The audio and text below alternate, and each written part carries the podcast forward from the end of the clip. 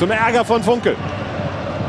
Dabrowski und da ist De Camargo und da ist schon wieder Lute und da ist Hanke. De Camargo, Tor! Gladbach 1-0.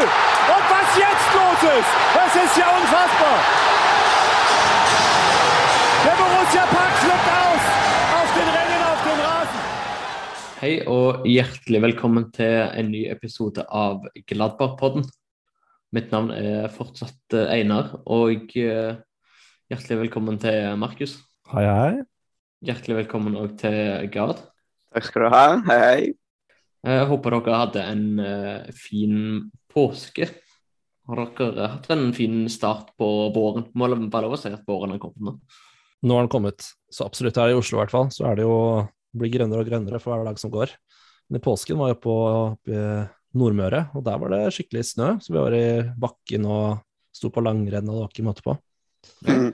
Eh, super, eh, super påske med ski og sol og fjell. Og så komme hjem igjen liksom via Gudbrandsdalen og så se at det bare blir grønnere og grønne, grønnere nedover. Det var, eh, det var fint. Mm. Og her er det vårstemning. Nice. det var Hva med deg, Gard? Ja, det er fint i Bergen òg nå. Det er kjempevarmt. Det har ikke regna på Gud, når var det siste det regna? Det er en stund siden. Så det er jo helt sånn, du kjenner jo ikke Bergen igjen, nesten. uh, men det pleier å være sånn det på våren det pleier å være finest. Sånn uh, april-mai. Og så blir det mer regn utover sommeren igjen. Men det er deilig. Og ja, opptil 20 grader. Jeg har gått ute i T-skjorte i helga og sånn. Så det er ja, spesielt. Nei, det er samme i Lubek. Det har vært veldig fine dager nå, eh, nå det siste. Mye sol, litt vind som det skal være når det ligger ved, ved sjøen. Men uh, ellers er det går mot uh, lysere tider. Ja, Mm. det er bra. Det er vel uh, et spørsmål om det går mot lysere tider for uh, Gladbach sin del. Ja. De klarte jo å karre i land ett poeng mot Freiburg sist helg, men det var etter å ha rota bort en 2-0-ledelse. Og det var vel et, eh, en av de mer ufortjente utligningene som har kommet på overtid på veldig lenge for eh, Gladbach sin del. Mm. Ja, det virka sånn. Jeg, jeg så ikke hele kampen, skal jeg ærlig innrømme. Eh, Jeg var i en ettårsdag, så jeg fikk ikke sett første omgang. Så fikk jeg sett litt grann, som i bilen hjem. Men ut fra det, det jeg så, som var som andre omgang, så nei, så var ikke det så fortjent, den uavgjorten. Selv om det var veldig deilig. Men jeg ble- jo helt veldig positivt overrasket over disse notificationene som tikka inn, at vi leda 2-0 etter 12 minutter. Ja. Men uh, jeg tenkte jo også mitt at det er ikke sikkert at dette kommer til å holde kampen ut. Mm. Men uh, herlighet, så mye ræva spill som, Ja. eh, som det var. Ja. Det er stor forskjell egentlig på første og andre omgang. fordi at jeg hørte kampen på radioen. Som sagt, jeg var ute og gikk i helga, og eh, jeg var litt i tvil om jeg skulle sette på kampen på radioen i det hele tatt. For jeg hadde ikke lyst til å ødelegge den eh, gode stemninga. Men så ble det til at jeg gjorde det. da, og Jeg var litt sånn i tvil. Var det Hjalp det, eller hjalp det ikke? Men første omgang var jo, var jo god, og han kommentatoren sa òg at vi, eh, vi sto godt bak, og jeg tenkte hva i herlighet, er det et nytt lag som kom på banen der? sant? Eh, så det var vel da fortjent 2-0. Jeg har hørt at den straffen var veldig sånn halvveis, men eh, straffen til Freiburg var jo enda mer diskutabel. Så det utjevna seg akkurat der, da. Men det, var, det var surt å, å starte andre omgang, for da gikk det liksom bare rett i dass igjen, som vanlig. Mm. Ja. Det var vel to straffer som begge liksom godt ikke kunne blitt gitt, og ingen hadde Ja. klagt veldig mye på det. Det var en, eh, en hands hvor uh, Høfler på eh, Freiburg får litt ta en sklitakling, og så får han ballen. Han treffer liksom den ene hånda som han sklir med. Da. Mm, veldig, veldig uheldig, og så blir det straffe. Mm. Og for eh, den som eh, Freiburg fikk, så var det, var det vel Liner som var uheldig og får liksom foten foran en Freiburg-spiller på en corner. Mm. Veldig sånn ting som vanligvis ikke ble gitt uh, straffe på, da. Men uh, i dette tilfellet så ble det det, og det jevner seg vel egentlig ut sånn sett. ja, Jeg kan jo si det. Gladbach hadde jo fire skudd på mål, og tre mål. Så det var jo ganske bra. Wow. Ja. Freiburg Siste var Freiburg helt hadde inne. åtte på mål. Jo da, men uh, ja, avslutninger på mål, Ja. kan vi si. Men uh, jeg syns det er Det er en veldig typisk. Som for uh, den sesongen her, egentlig. Ja. Hvor de presterer greit tidvis. Eksempel 2-0-målet er veldig, veldig fin, fin kontra, fine kombinasjoner, og så Embolo som avslutter angrepet. Mm. Og så har du liksom sluppet inn tre Ett uheldig og to forholdsvis enkle mål. Og så er det litt sånn litt ut av ingenting så får man en utligning nå. Veldig sånn klassisk uh, Gladbach å rote bort uh, en 2-0-ledelse Mm. etter uh, utover i andre omgang, og så komme tilbake igjen.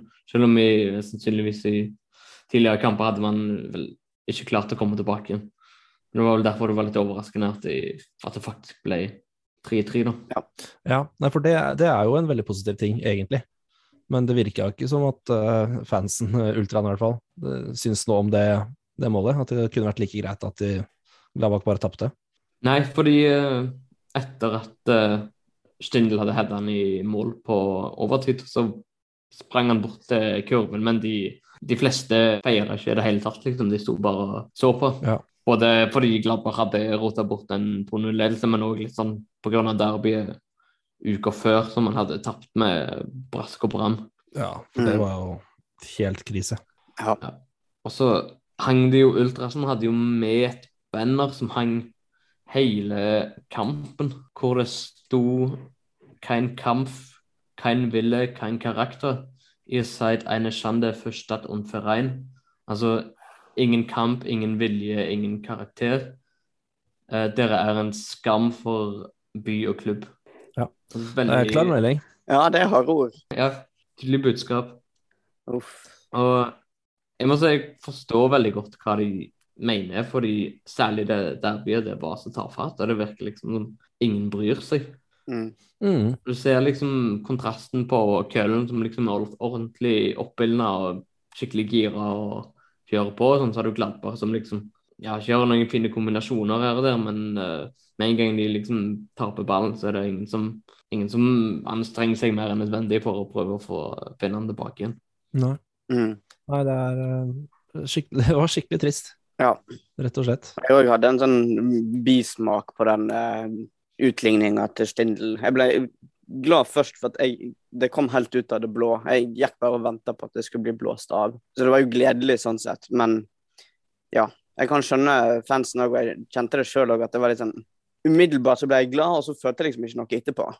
Nei. Det var liksom Ja vel, OK, så dere klarte å raske sammen noe helt på slutten, men eh, Nei, jeg ble også skikkelig glad, men, eh, men ja. Det var litt sånn en liten sånn lykkebluss, og så kom jeg på at ja, nå kanskje vi har faktisk matematisk klart å holde oss unna nedrykksstriden. Noe som vi nå har, men det er etter 31 kamper, så er vi sikra Bundesliga-spilt neste år. Det er for dårlig, altså. ja. Det er, ikke, det er ikke det som skal være målet, liksom. Og så er det litt sånn De hadde på en måte dratt strikken for langt til at det føltes eh, digg å få den uavgjorten. Fordi de hadde rota bort den, eh, den ledelsen på 2-0. Jeg vet ikke helt om jeg klarer å sammenligne det med noe, men altså, hvis en drar en spøk for langt, så er det jo ikke sånn at en ler når en da sier at en spøkte. Da sitter du bare igjen med en sånn hul eh, følelse. Det er ikke noe godt, og det føles litt sånn. Mm. For det er noe med at ja, det ble en utligning som Ja. Jeg vet ikke om det hadde hjulpet om det når det kom tidligere, for da kunne en hatt et håp om at uh, det kanskje hadde blitt 4-3 eller noe. Men uh, nei, jeg, vet- jeg vet ikke. Det, bare, det, det, det passet liksom ikke inn. Nei. Nei. Men at fansen ikke feirer det utligningsmålet på slutten, på overtid det, Altså, hadde vi da feira eh, hvis det hadde blitt to mål til Gladbach, da, hvis det hadde blitt 4-3, når prestasjonen har vært såpass dårlig som den var, Mm. og med tanke på da bakteppet mot Køllen. Det er jo et godt spørsmål, da, for det er jo ja, det er jo alt rundt òg som gjør at det ikke ble feira på den skåringa. Så Mm. eh, det er godt mulig at den ikke hadde vært veldig positiv hvis den hadde vunnet den kampen heller. Nei. Da tror, jeg, da tror jeg den måtte vunnet overlegent. At eh, sånn som vi spilte i første omgang, bare hadde fortsatt ut kampen. Ja. ja, selv da så har du tapt 1-3 mot Köln. Ja. Det skal ikke skje. Og vi har tapt to kamper samme sesong. Ja. Det skal i hvert fall ikke skje. Nei. Og vi lå 3-0 under etter en halvtime. Ja. Og i den der uh, rein-statistikken, altså RIN, så har vi jo tapt begge mot Leverkosen òg, ganske, ganske mye. Mm. Så vi ligger nederst eh, på den der eh, lokale tabellen òg. Mm. Klart nederst. Ja. Ja. Ja, dere har noe, noen ord å si om Derby, derbyet, som var Det var vel på påskeaften. Det var det. Ble 3-1 til Köln etter at de eh, kjørte fullstendig over Gladbach i første omgang. Og så, Mm. Jeg husker bare jeg skrudde av etter eh, første omgang fordi det var så, det var så trist å se på. Ja. så uh, var det vel Embolo som hadde en redusering i 85. minutt eller noe sånt. Da Mm. var kampen liksom Da var kampen avgjort. og Det var, det var liksom helt viljeløst og helt uh, uten entusiasme og helt veldig, veldig tafatt fra Gladbartens side. Ja. Det var som Brasils eh, skåring i den 7-1 mot Tyskland i VM. Ja, det var nesten det. Det, liksom, det, det betyr ingenting. Det er ikke noe vits. Nei, jeg, jeg gikk glipp av den kampen for jeg var på jobb, som jeg ofte er når vi spiller. I det tilfellet her så var jeg glad for det. Mm. Så slapp jeg i hvert fall å se på. Ja. Nei, jeg så første omgangen, um, men jeg var jo oppe i Nordmøre på- hos svigers, så jeg kunne ikke se hele den kampen.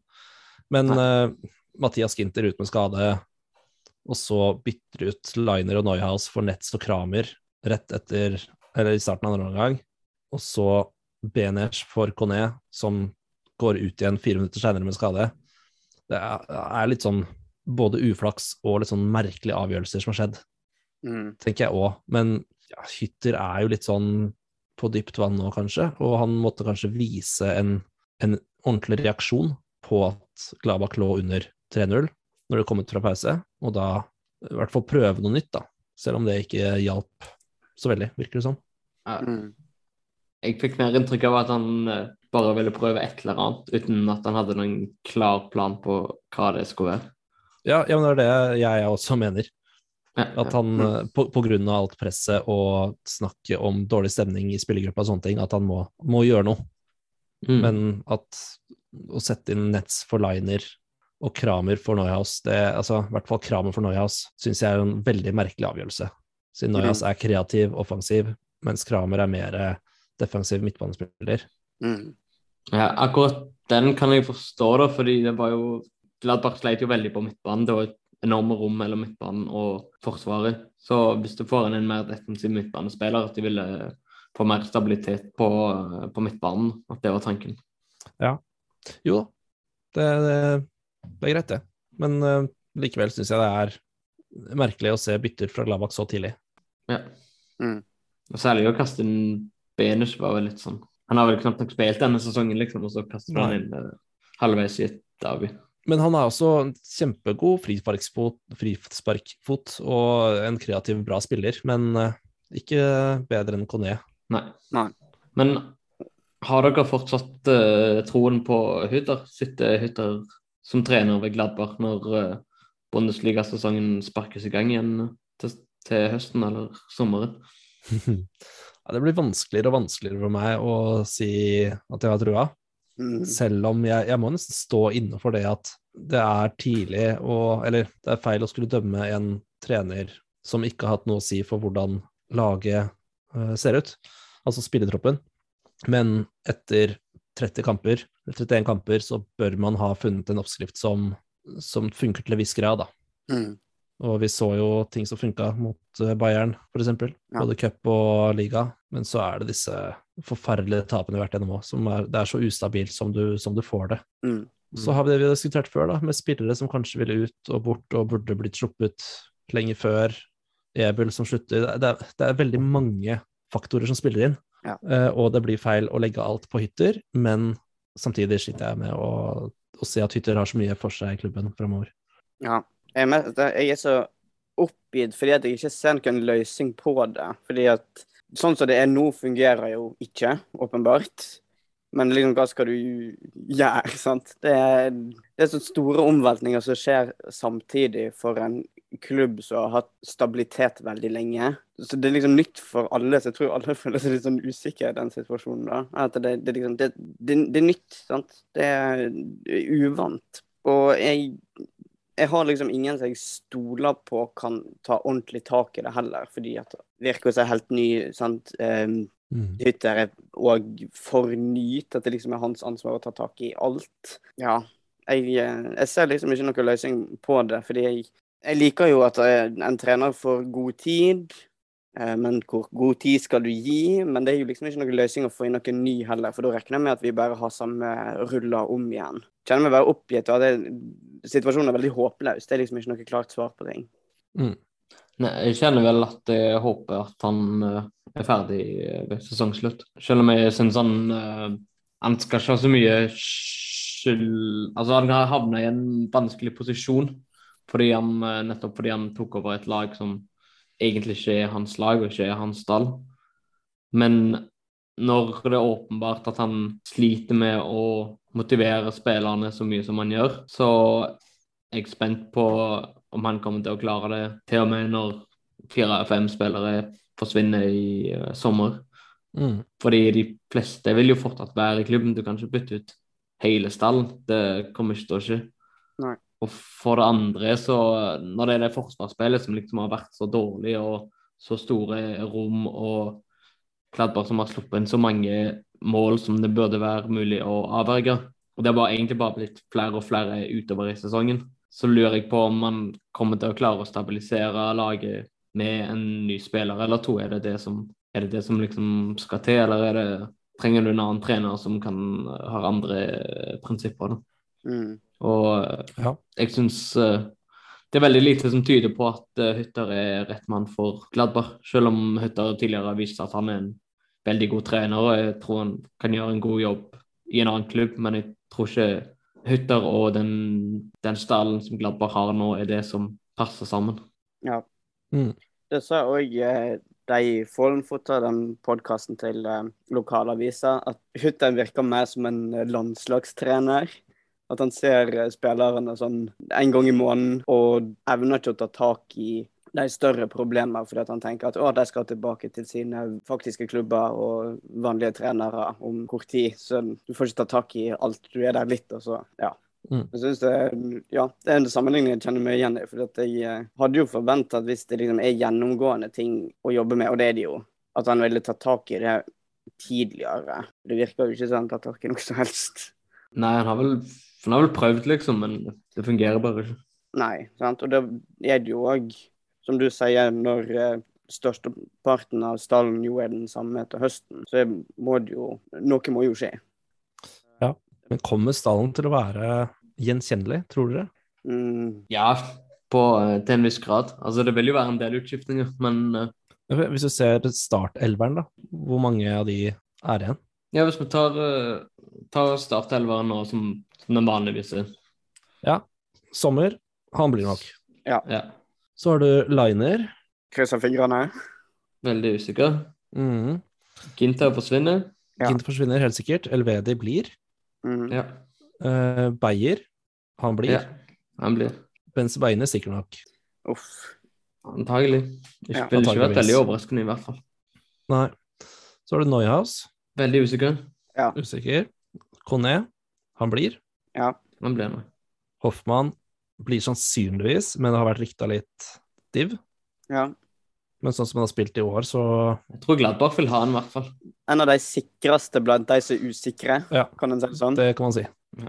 Ja. Eh, Embolo, Oi. Hvor han blir, men eh, ja, jeg er litt mer usikker, men, men ja. Og Plea, 50-50, altså.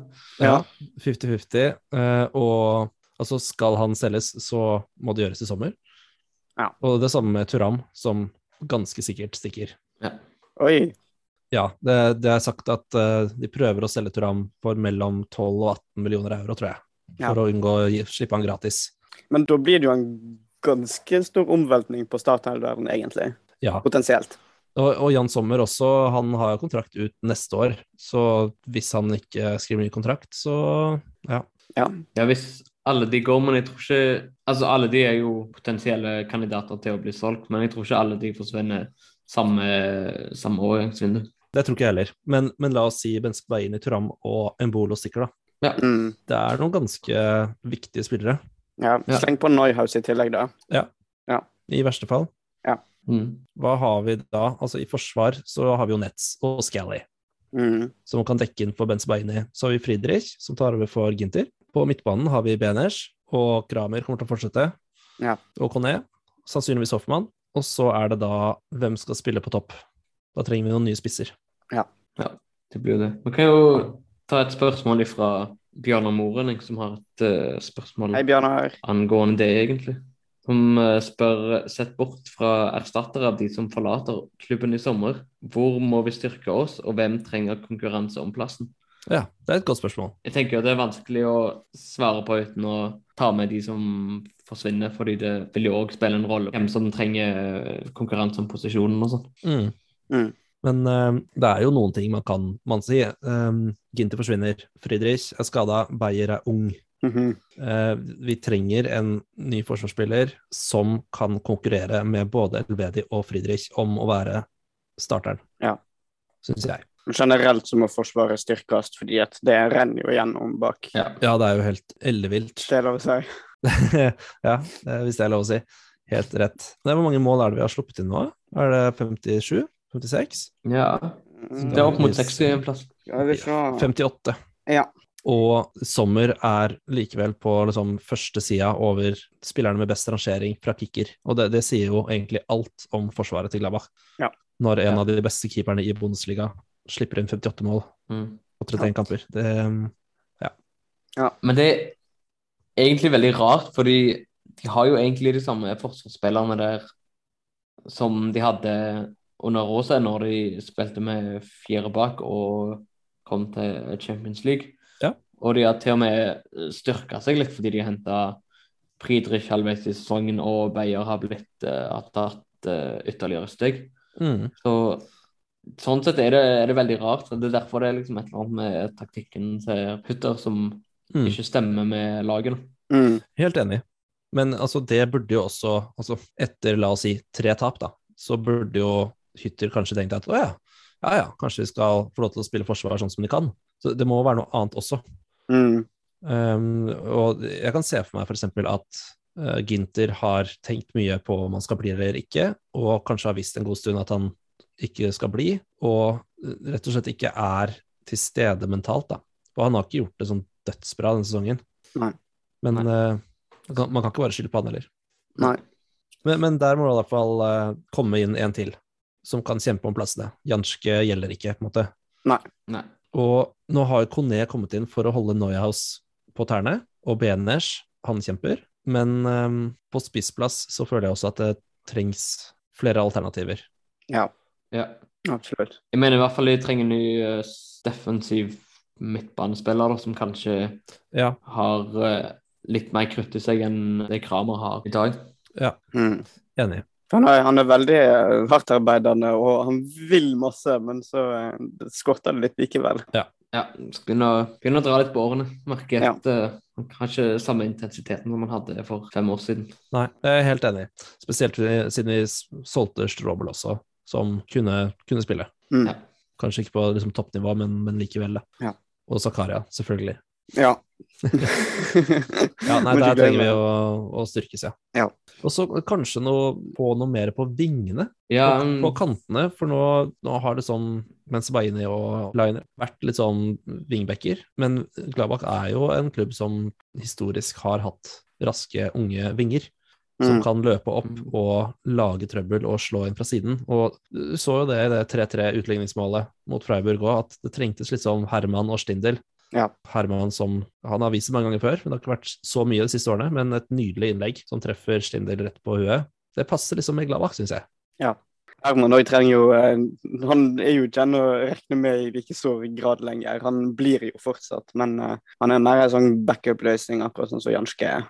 Ja, absolutt. Og jeg vil også si at Kramer er blitt kanskje en sånn backup-løsning nå. Han begynner Ja. å bli såpass gammel. Ja, det nærmer seg det. det. Men la, la oss si da at vi bytter ut Embolo, Plea, Turam, Neuhaus og Benzebaini med litt dårligere spillere. Og så kan du kjøpe tre spillere til. Hvilke posisjoner ville du kjøpt spillere i? Merk på en spiss. Ja. Og så en, eh, en venstre wingback Mm. og en eh, defensiv midtbane. Så ikke noe midtstopper. Nei, jeg tror de kanskje en, en spiller som kan spille både midtstopper og defensiv midtbane. Eller en venstre wingback som kan spille både det og Mm. stopper. Men jeg mener i hvert fall de trenger en ny defensiv midtbane. Venus kommer jo mest sannsynlig til å forsvinne. Det virker ikke som han helt har nivået inne, eller ikke har tilliten. Ja, Hva med deg, Gard? Hva det du, hvilke tre ville du kjøpt? Jeg er enig med det Einar sier. Spiss kanskje på førsteplass. For det trengs åpenbart. Det er òg en posisjon der vi har mangla lenge, egentlig. Sånn skikkelig. En Mm. til å garantere når alt annet rakner. Og så ja, ikke enig i hvert fall en eh, defensiv eh, midtbane. Det var, det var venstre du sa, ikke sant? Jeg vet ikke om han merker savnet etter Oskar Oscar Wendt, men eh, ja, som er litt mer stabile der. Mm. Jeg er enig, jeg også. Så det er vel kanskje det som er svaret, da. Som vi må gi til Bjørnar. At en spiss, en defensiv midtbanespiller og, og en back slash forsvarsspiller Ja. er det som Ja. trengs. Men jeg, jeg tviler på at både Playa, Turam og Embolo blir solgt samtidig. Ja. Altså To av de ble solgt mulig, men alle tre det tviler jeg litt på. Ja. Nei, ifølge Bild så er eh, Jan Sommer og Jonas Hoffmann i andre runde av kontraktsforhandlingen. Mm. Så det er jo positivt. Så, mens det virker som at Plea skal bli solgt, da. Og Herman Ja. skal gå ned i lønn. Ja. Ja. Eh, og hvis vi da mister Tram og Plea, da, mister vi noe, da jobber vi nok laget ganske hardt for å holde på Embolo. Og så må vi jo kjøpe noe mer. Ja. Men får vi, eh, får vi Rocco Reitz tilbake fra lån? Det vil jeg tro. ja. For det, er jo, det har jo òg vært et problem at vi har egentlig ikke vært flinke nok til å ta opp folk fra egne rekker, og ikke fokusert nok på det de siste åra. Mm. Lite som har kommet opp, og egentlig han er jo egentlig den mest, den mest kjente.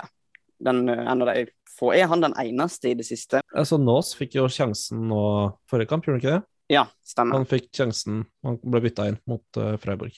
Ja. Han er ikke gamle typen, vel. Nei, det er vel 18, tror jeg. Nei, han er 21 blitt, men Ja, okay. Ja. likevel 2001-modell. Ja, Så- da er du fortsatt ung. Da er du fortsatt ung. Når du ikke, når du ikke husker 9 Men altså, Conné, Kone er jo yngre, da. Ja. Han er 20. Ja. Så er det Jordan Beyer, da, Ja. som også har fått sjansen. Men um, ja, nei. Vi må bli flinkere til det, ja. For det er noe med å kjøpe folk som kommer fra andre plasser. De, har de er jo vant til sitt sett. sant? De er jo vant til sin klubb. Sånn er det jo alltid, da. Det er ikke det. Men uh, det har jo vært styrken til Gladbach å kombinere veldig greit. Mm. Um, og at um, Follensdal har havna litt bakpå i det siste, for han har blitt mer, han har hatt mer penger og kunne kjøpt dyrere. Så ja. Mm. Det er òg det at jeg føler at vi må rykke litt sånn tilbake til start. Ikke fullstendig til start, men eh, ja, litt, litt tilbake til eh, 20 2011-2012. Ja, det var en av disse Jeg fikk ikke lest artikkelen fordi jeg ikke har kicker-abonnement, som jeg heller ikke kommer til å kjøpe, men det var en av disse Åh, hvem var det?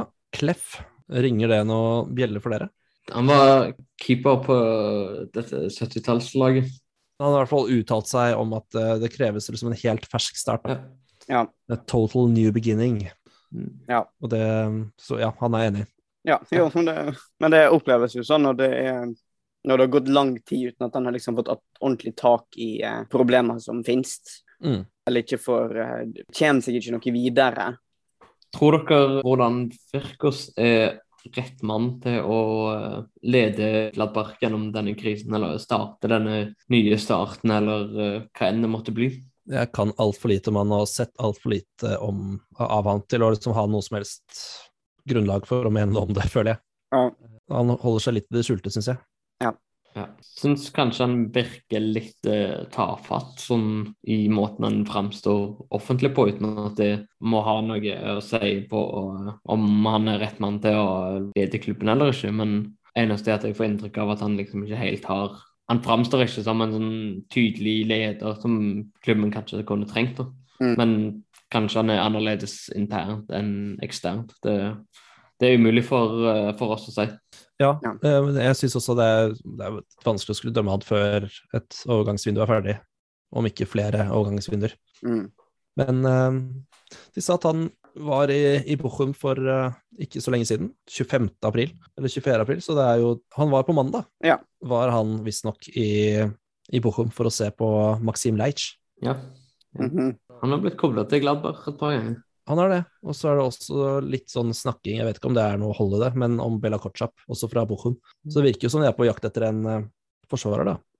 Ja, Han var godt. Men Det uh, jo mening. det. det var uh, veldig sånn mal apropos, egentlig. Ja. Ja. Nei, men jeg, eh, jeg føler òg Er folk rett mann for jobben eller ikke? Det, du klarer liksom ikke å se det før noen år etterpå. Nei. føler jeg. Altså, det, må, det må gå seg til først, og så ser en funker det eller ikke. Så jeg er spent. Men jeg, eh, ja, det er en farlig ting å si at jeg syns at folk skal få tid på seg, fordi Råse fikk tid på seg, sant? og det gikk jo i dass til slutt. Um, Ja. Hytter har fått tid på seg uten at det har hjulpet den sesongen her, i alle fall. Men um, det, sånn, det kan alltid bli verre, og vi vet jo ikke hva som skjer hvis det kommer inn en eller annen ny en som ikke har kjennskap til Gladbach fra før. Mm. Mm. Det er visse ting her som fortsatt er gjenkjennelige. Sant? Jeg har jo ikke lyst til at noen skal snu helt om på klubben bare for resultater sin del. Det, det er ikke ideelt sånn som det er nå, og det er sannsynligvis en del som må ta, ta, tas tak i. Altså, altså sannsynligvis mer enn vi er klar over. Men eh, det kan være verre, selv om det Ja. Det kunne vært nedrykk, liksom. Det er det ikke. Nei. Det er det ikke. Og nå får de en eh, sommer på seg til å eh, Rydde opp. Ja. ja. Det er det jeg er litt redd for, da. At uh, hvis de ikke får til å snu ting denne sommeren, at neste sesong kan bli ordentlig, ordentlig tung og ordentlig Da kan det bli ordentlig nedrykksstrid. Mm. Ja. Det har jo vært en nedadgående spiral nå egentlig siden Råse kunngjorde at han eh, skulle forlate klubben. ja Vi må jo bare håpe at, eh, at, at det går.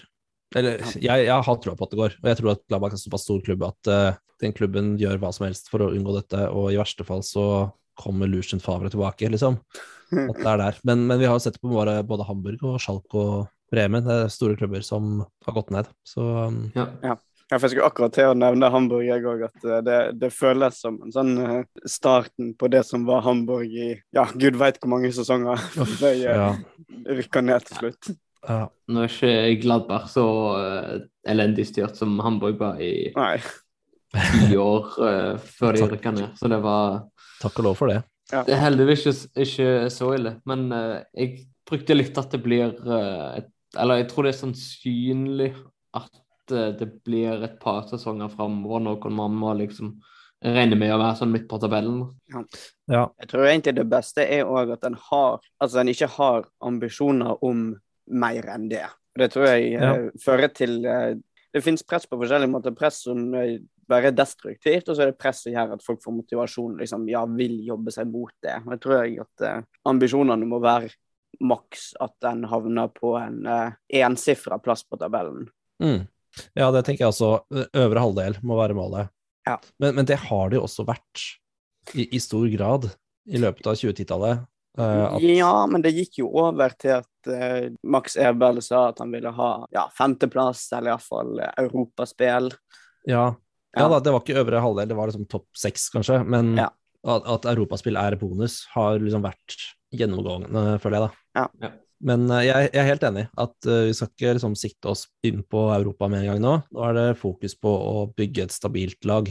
Ja, Og i alle fall, eh, om ikke engang ettsifra, altså minimum niendeplass, så i alle fall holde seg komfortabelt unna nedrykk. Ja.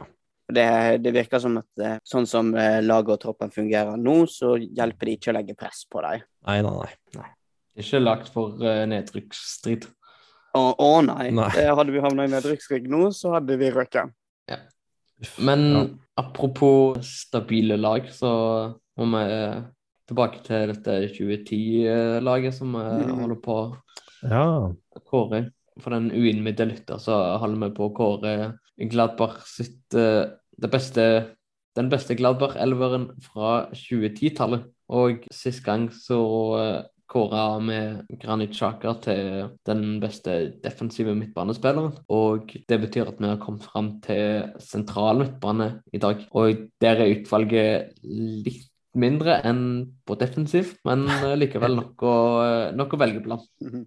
Ja, heldigvis mindre. Men, eh, men ja, det er, noen, eh, det er noen spillere her, altså. Vi starter som vanlig med den som har spilt flest kamper, og så må da spilleren ha spilt minst 30 kamper i denne posisjonen. Det er litt eh, Altså sentral midtbane, der er også tatt med offensiv midtbane for å skille mellom denne og andre spissrollen, eller second striker. Men vi starter øverst med Mahmoud Dahoud. Spilte 63 kamper med fire mål og tolv assists. Så har vi Florian Neuhaus, som vi kjenner så godt. 57 kamper, 8 mål, 13 assists. Så har vi Jonas Hoffmann, 47 kamper, 8 mål og 7 assists. Og så en som snek seg med fra forrige runde, Kristoff Kramer, 47 kamper, 10 mål og 10 assists. Ja. Ja, det, det, virker kanskje ikke så ille, men jeg syns dette er ganske ille. Ja, jeg òg. Det er ganske jevnt. Det er ganske jevnt. Ja. Og så spesielt når du tenker på Neuhaus og Hoffmann, som har Neuhaus kanskje spesielt, som brøt gjennom liksom, i overgangen mellom 1920- og 2021-sesongen. Mm. Og egentlig også Hoffmann, som har vært i sitt livsform da, etter eh, 2010-tallet. Og liksom klare å, å, skille mellom før og etter 2020 på Neuhaus og Hoffmann, er, eh, det er tøft. Ja. Det er det. Jeg er enig. Ja. Men jeg husker særlig Det var den siste sesongen til Hekking hvor eh, Gladbach var veldig gode på høsten.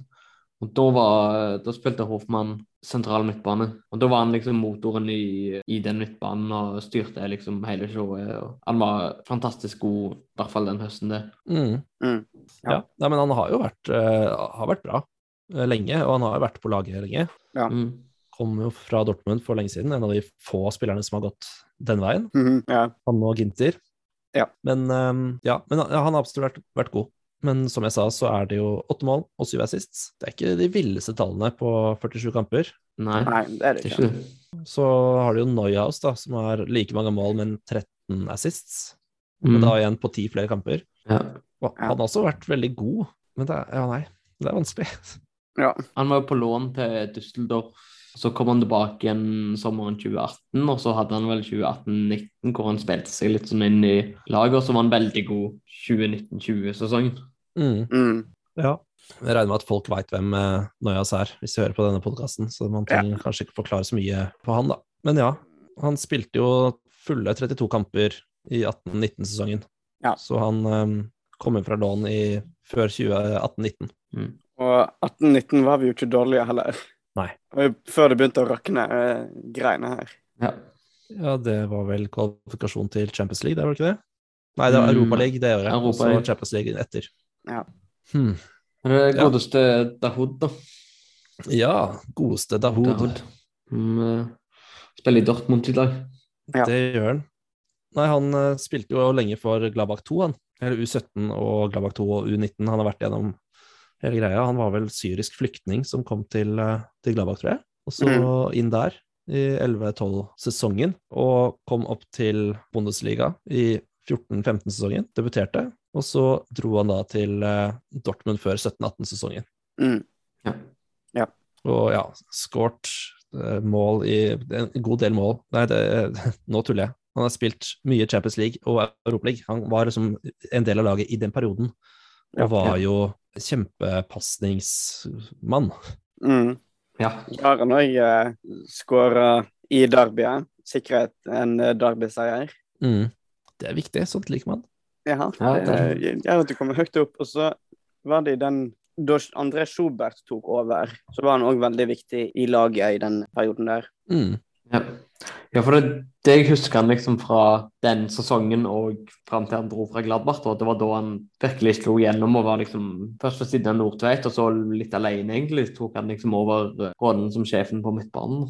Ja, men så Ja. må du ikke glemme at Sjaka også var inne i bildet der. Ja, nettopp. Så Ja. tenk dere liksom de to pasningsføttene der, at vi faktisk hadde det. Granit Sjaka og Mahud, Mahmoud Dahoud ved siden av hverandre. Sjukt. Ja, for det var de, de kunne avgjøre, avgjøre kamper, altså. Ja. Ja. Men uh, han tok vel litt over da, som pasnings- eller sånn dirigentmessig, i 16-17, da Sjaka hadde forsvunnet. Mm. Men det, nei, jeg syns dette er vanskelig, altså. ja, jeg òg. Men jeg har noen minner av eh, Neuhaus som sendte noen pasninger med utsiden av foten og styr, som var sånn helt, helt perfekte. Ja. Ja, og så er det Ja, når han begynte å bli litt sånn uh, misfornøyd, det var jo Det, var- det var etter uh, tiåret var over, så det gjelder liksom ikke. Nei. Så det, det må en òg se vekk ifra. Ja, og det er det som er så vanskelig. Ja, for han var jo Ja. kjempegod da han kom, og skikkelig digg å få inn i laget. Nei, for det, som dere sa, det er veldig jevnt, så jeg klarer liksom ikke å utpeke det, det, Jeg syns det er ingen av det som liksom stikker seg spesielt ut. Nei. Og som liksom der magefølelsen sier akkurat det må det være, for det er det jo noen andre posisjoner som gjør. Men det var, det var vanskelig hele veien, egentlig. Det, eller jeg har sagt det hver gang, tror jeg.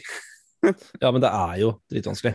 Ja, ja Skal vi si noe mer om Kramer, eller skal vi bare henvise til forrige episode?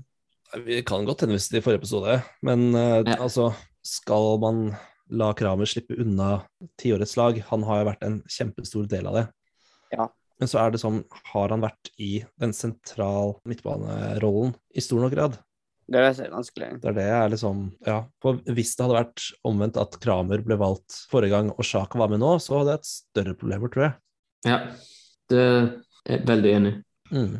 For jeg ser på Kramer som en defensiv midtbanespiller, og litt for svak offensivt til at jeg vil ha han som Mm. sentral midtbane, selv om det er selvfølgelig veldig flytende roller og posisjoner og sånn. Mm. Men uh, ja, vi kan kanskje stryke han, da.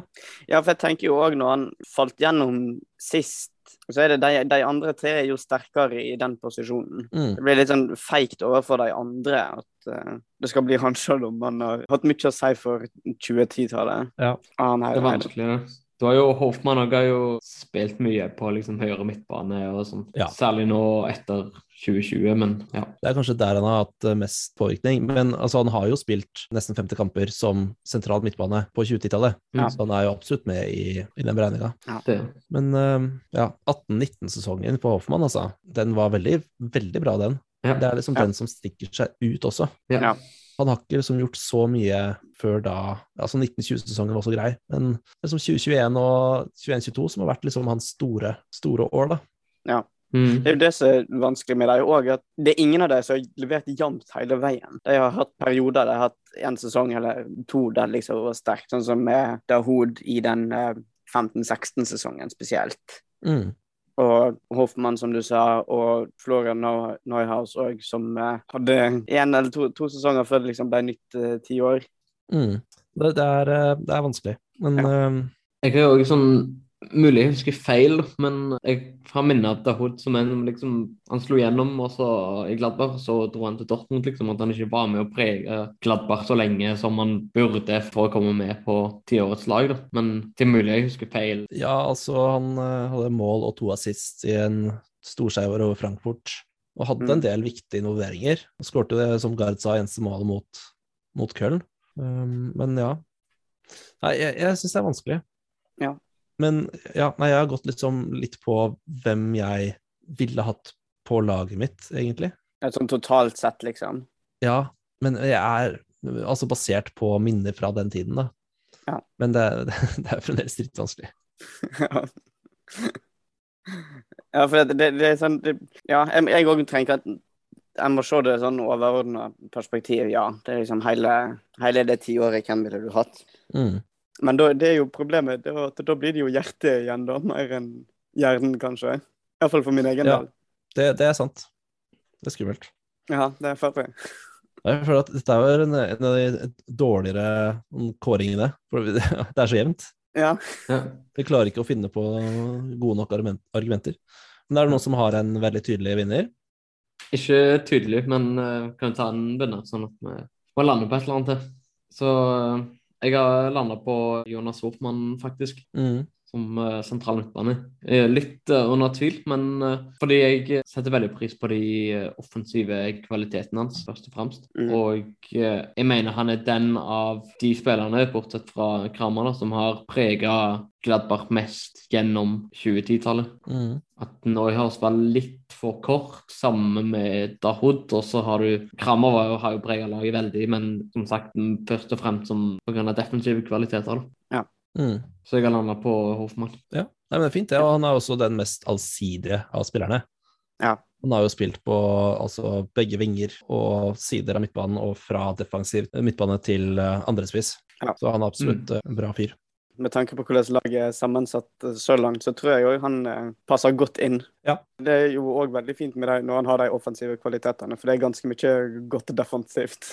Så eh, det, det er ikke mye som slipper gjennom bak. Hvem har du valgt da, Gard? Ja, jeg har, jeg har eh, Hoffmann eh, høyt oppe, i alle fall. For her igjen, jeg hadde, jeg hadde ikke bestemt meg på forhånd. Nei. Så uh, jeg, er litt, jeg jeg er litt sånn fristet til at jeg skal gi en honorable mention til, uh, til noen, hvis, uh, hvis du òg har Hoffmann uh, Markjøs. Nei, jeg har ikke det, skjønner du. Så jeg Nei, ok. har lyst, eh, det, det, det spennende. Å, det gjorde den, Ja. Å, det gjorde det vanskelig. Mm. Det ble liksom vanskelig uansett. Nei, dette er uh, tricky. Øh, Jeg er heller ikke helt bestemt på, skjønner du. Nå må du bestemme deg, ellers så ja, ja, men, men har du lyst til å ta det Har du lyst til å ta Nei. først, Markus? Fordi at jeg må ringe til, ringe til Bjørnar neste gang. Og... Ja, Det jeg, seg. jeg går jo ikke. Nei, jeg, jeg er så usikker, men jeg har eh, Jeg har tenkt litt og falt på Dahoud, rett og slett. Ja.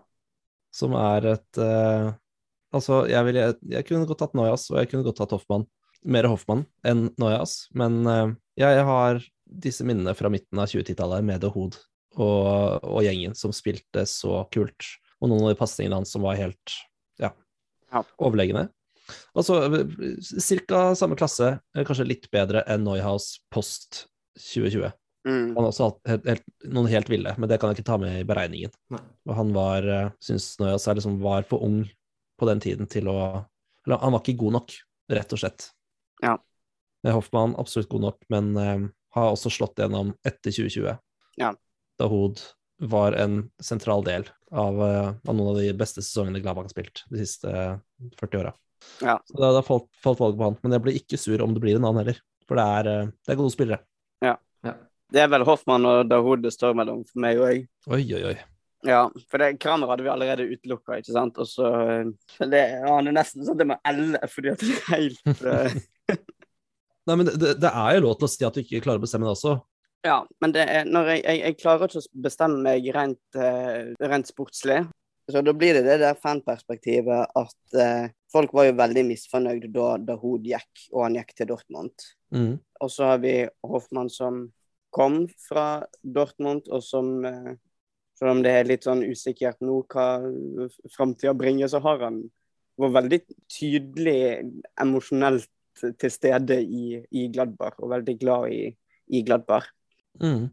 Og når, når du ikke har noen andre ting som du kan bikke deg over, så eh, må jeg gå til det steget igjen, dessverre. Men eh, jeg tror jeg lander på Hoffmann, jeg òg. Og eh, som jeg sa, jeg tror han òg passer veldig godt inn i det laget vi har satt eh, sammen. Og han sjøl kommer til å trives veldig i den troppen. Mm. Jeg tror det er en sånn tropp som som han hadde likt seg i og kost seg i. Og kunne spilt på sitt beste. Så eh, ja, nei, jeg går for, eh, jeg går for Jonas Hoffmann, jeg òg. Flott. Det, det syns jeg er helt greit. Ja, ja, Det, er- altså, hjertet mitt jeg vil jo heller, mye heller ha Hoffmann på laget mitt enn en Dahoud, men, men basert på 2010-tallet, så syns jeg at Dahoud fortjente den plassen mer enn Hoffmann. Ja, det er helt lov. Men jeg er ikke misfornøyd i det hele tatt. Nei, men det er, det er godt.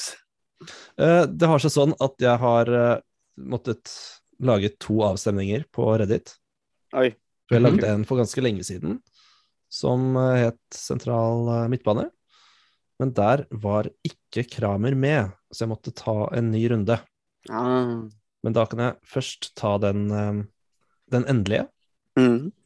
Der var det 90 stemmer. Det var 20 på Dahoud, 15 på Noyas, 20 på Hoffmann. Altså fire stemmer mellom Dahoud og Hoffmann. Så var det 31 på Kramer. Ja. Jeg kan jo tenke meg at det var en del som Men eh, det er jo fordi Kramer er Kramer, vil jeg tro. Ja. Ja. At de, her tenkes det mye med hjertet. Ja. Ja. Men den første avstemningen, den mellom Dahoud, Noyas og Hoffmann, da var det 235 stemmer. Oi. Det var ganske mange. 63 stemmer på Noyas, 78 stemmer på Hoffmann, og 94 på Mahmoud, da, Mahmoud Dahoud. Oi. Så Reddit viser Dahoud og Kramer.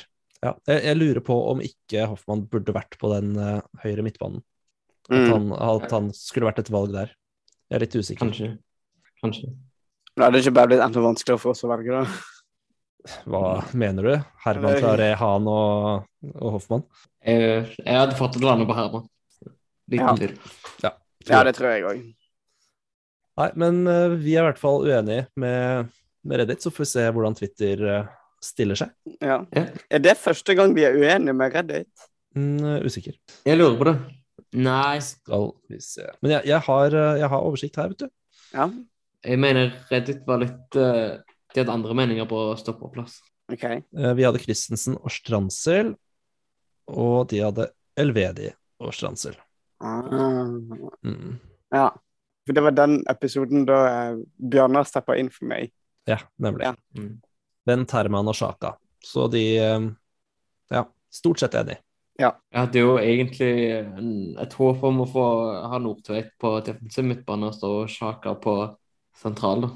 Og Mm. Nemlig. dit. Men uh, ble det Sjaka på defensiv, så jeg får leve med det. Ja, Det hadde vært en eh, fin kombinasjon, det òg. Ja. Det hadde det. Vi får, eh, vi får ha Nordtveit på benken. ja, for vi må jo ha, lage en benk også for det. Ja, ja, det, Ja. Vi kan jo ikke bare ha elleve spillere som spiller en hel sesong. Da blir det jo ødelagt hele gjengen. Ja. Åh, det blir, det blir vanskelig. Ja. Ja, ja. Vi må eh, komme oss litt videre.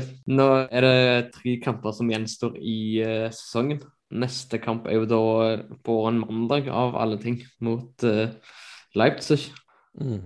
Det er fordi at det ikke kan spilles 1. mai, fordi at ja. eh, politiet skal ha fri. Ja. Leipzig skal spille Europaliga på torsdag, og siden det er 1. mai, så er politiet opptatt med å banke opp masse venstreaktivister. Så eh, dermed blir kampen spilt på en mandag istedenfor. Litt uh, unntaksmessig. Mm. Leipzig som jo nylig tok seg til en eh, DFB-pokalfinale, og som leder denne rykkrundetabellen, altså vår tabell, foran Bayern München. Så det er et ordentlig formlag som vi skal spille mot. Mm. Har Gladbach en uh, sjanse? Nei. Nei, Altså De tapte jo mot Union Berlin uh, på lørdag, da. Det gjorde det, men uh, Union Berlin er mye, Jeg jeg er ganske mye bedre enn Gladbach. Ja. mye, ganske mye bedre enn Gladbach for tida, og Ja. en helt annen spillestil. Og, Ja, ja. Nei, men jeg vil si at eh, Gladbach har alltid en sjanse mot ethvert lag, men nei. Ja. Likevel. At alt, alt kan skje, men eh, jeg forventer at dette blir et eh, rungende tap. Ja, jeg òg. Ja, helt enig. Og nå er det jo, som vi var inne på, nå har vi jo sikra at det ikke blir nedrykk, så da er det jo hvor masse er det igjen å spille for, egentlig? Og de har ikke vært veldig motiverte eh, fram til nå. Ja, men med tanke på ultra og fans og sånne ting, så må Gladbach gi alt de har. De må. Spørsmålet er om de eh, evner. Ja, men siste Nei, ikke siste hjemmekamp. Nei, vi har òg siste kampene hjemme. Stemmer det. Ja. Men ja, eh, likevel, da. Nest, nest siste eh, hjemmekamp Ja. mot Brusklubben. Der skal, eh, skal kapitalismen eh, nedkjempes. Ja. Men ja, nei, vi får se. Det, det er lov å ønske det, og så må det liksom eh, De må klare å få det gjennom spillermessig òg. Det er jeg Ja. eh, litt usikker på, sånn som det har gått i det siste, og sånn som det er sammensatt, at eh, vi klarer. Ja da, nei, jeg tror ikke på det. Men eh, jeg håper at de gir en innsats, i hvert fall. Selv om eh, sesongen er sikra. Jeg er enig. Og så er det jo et eh, oppgjør mot uh, gamleklubben til Hytter etterpå. Borte Ja. mot uh, Eintracht Frankfurt. ja.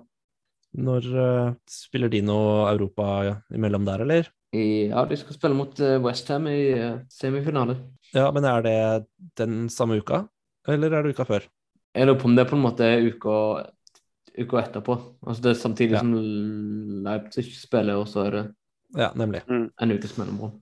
Ja, nei, vi kan jo håpe at de taper hardt mot eh, Leverkosen neste Det blir vel mandag, og mot Westham, og kommer for en liten knekk. Men i utgangspunktet så tenker jeg altså at det er en vanskelig kamp, altså. Jeg tipper at vi taper den òg, egentlig. Ja, ja de slo ja. bare slå deg borte, liksom, så det er jo Altså, men tapte ikke de nå i helga, da? Det gjorde de ikke, Jeg spilte uavgjort mot Hoffenheim. Ja.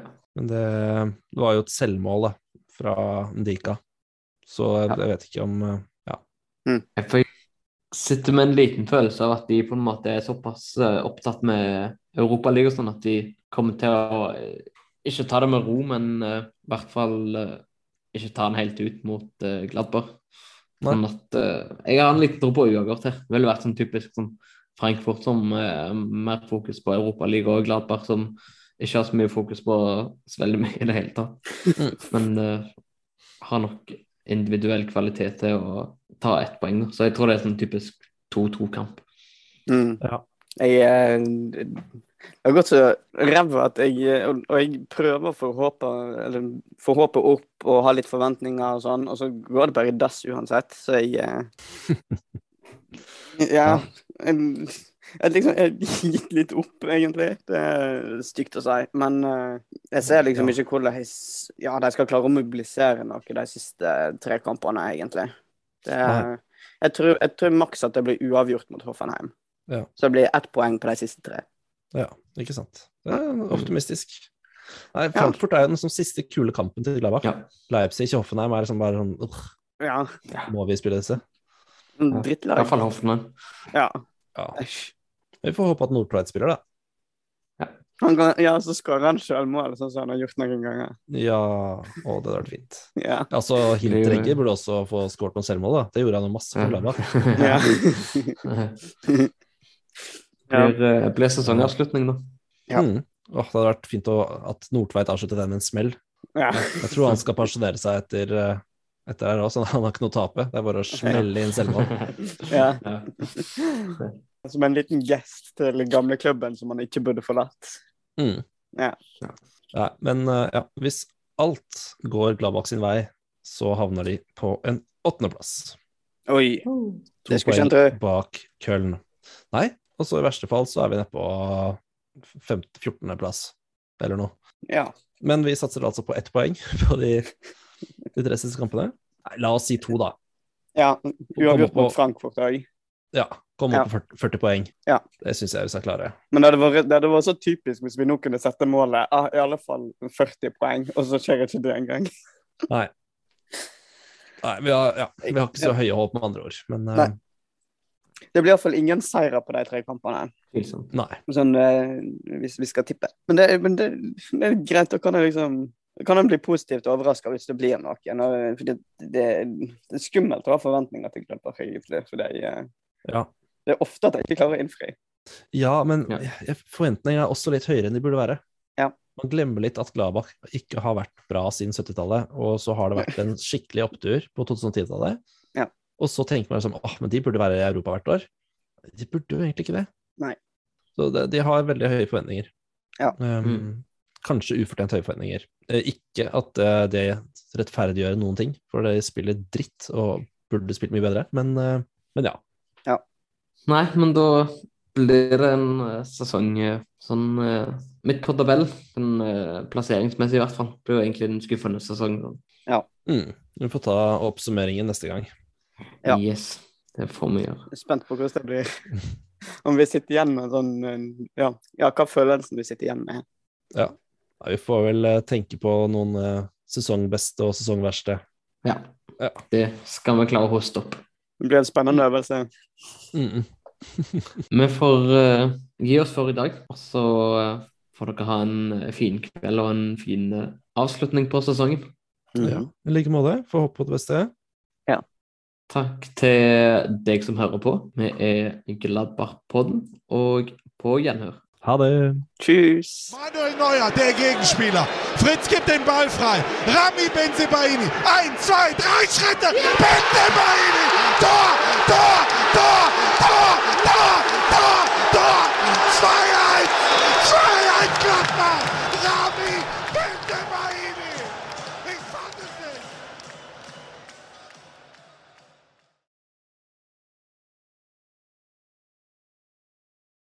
Nå kom jeg på en veldig, veldig positiv ting. da. Oi.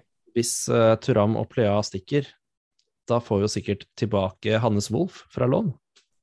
Nå kommer vi Da- tilbake. Da blir det orden på sakene. Ja, blir det. Da blir- Da blir det mål.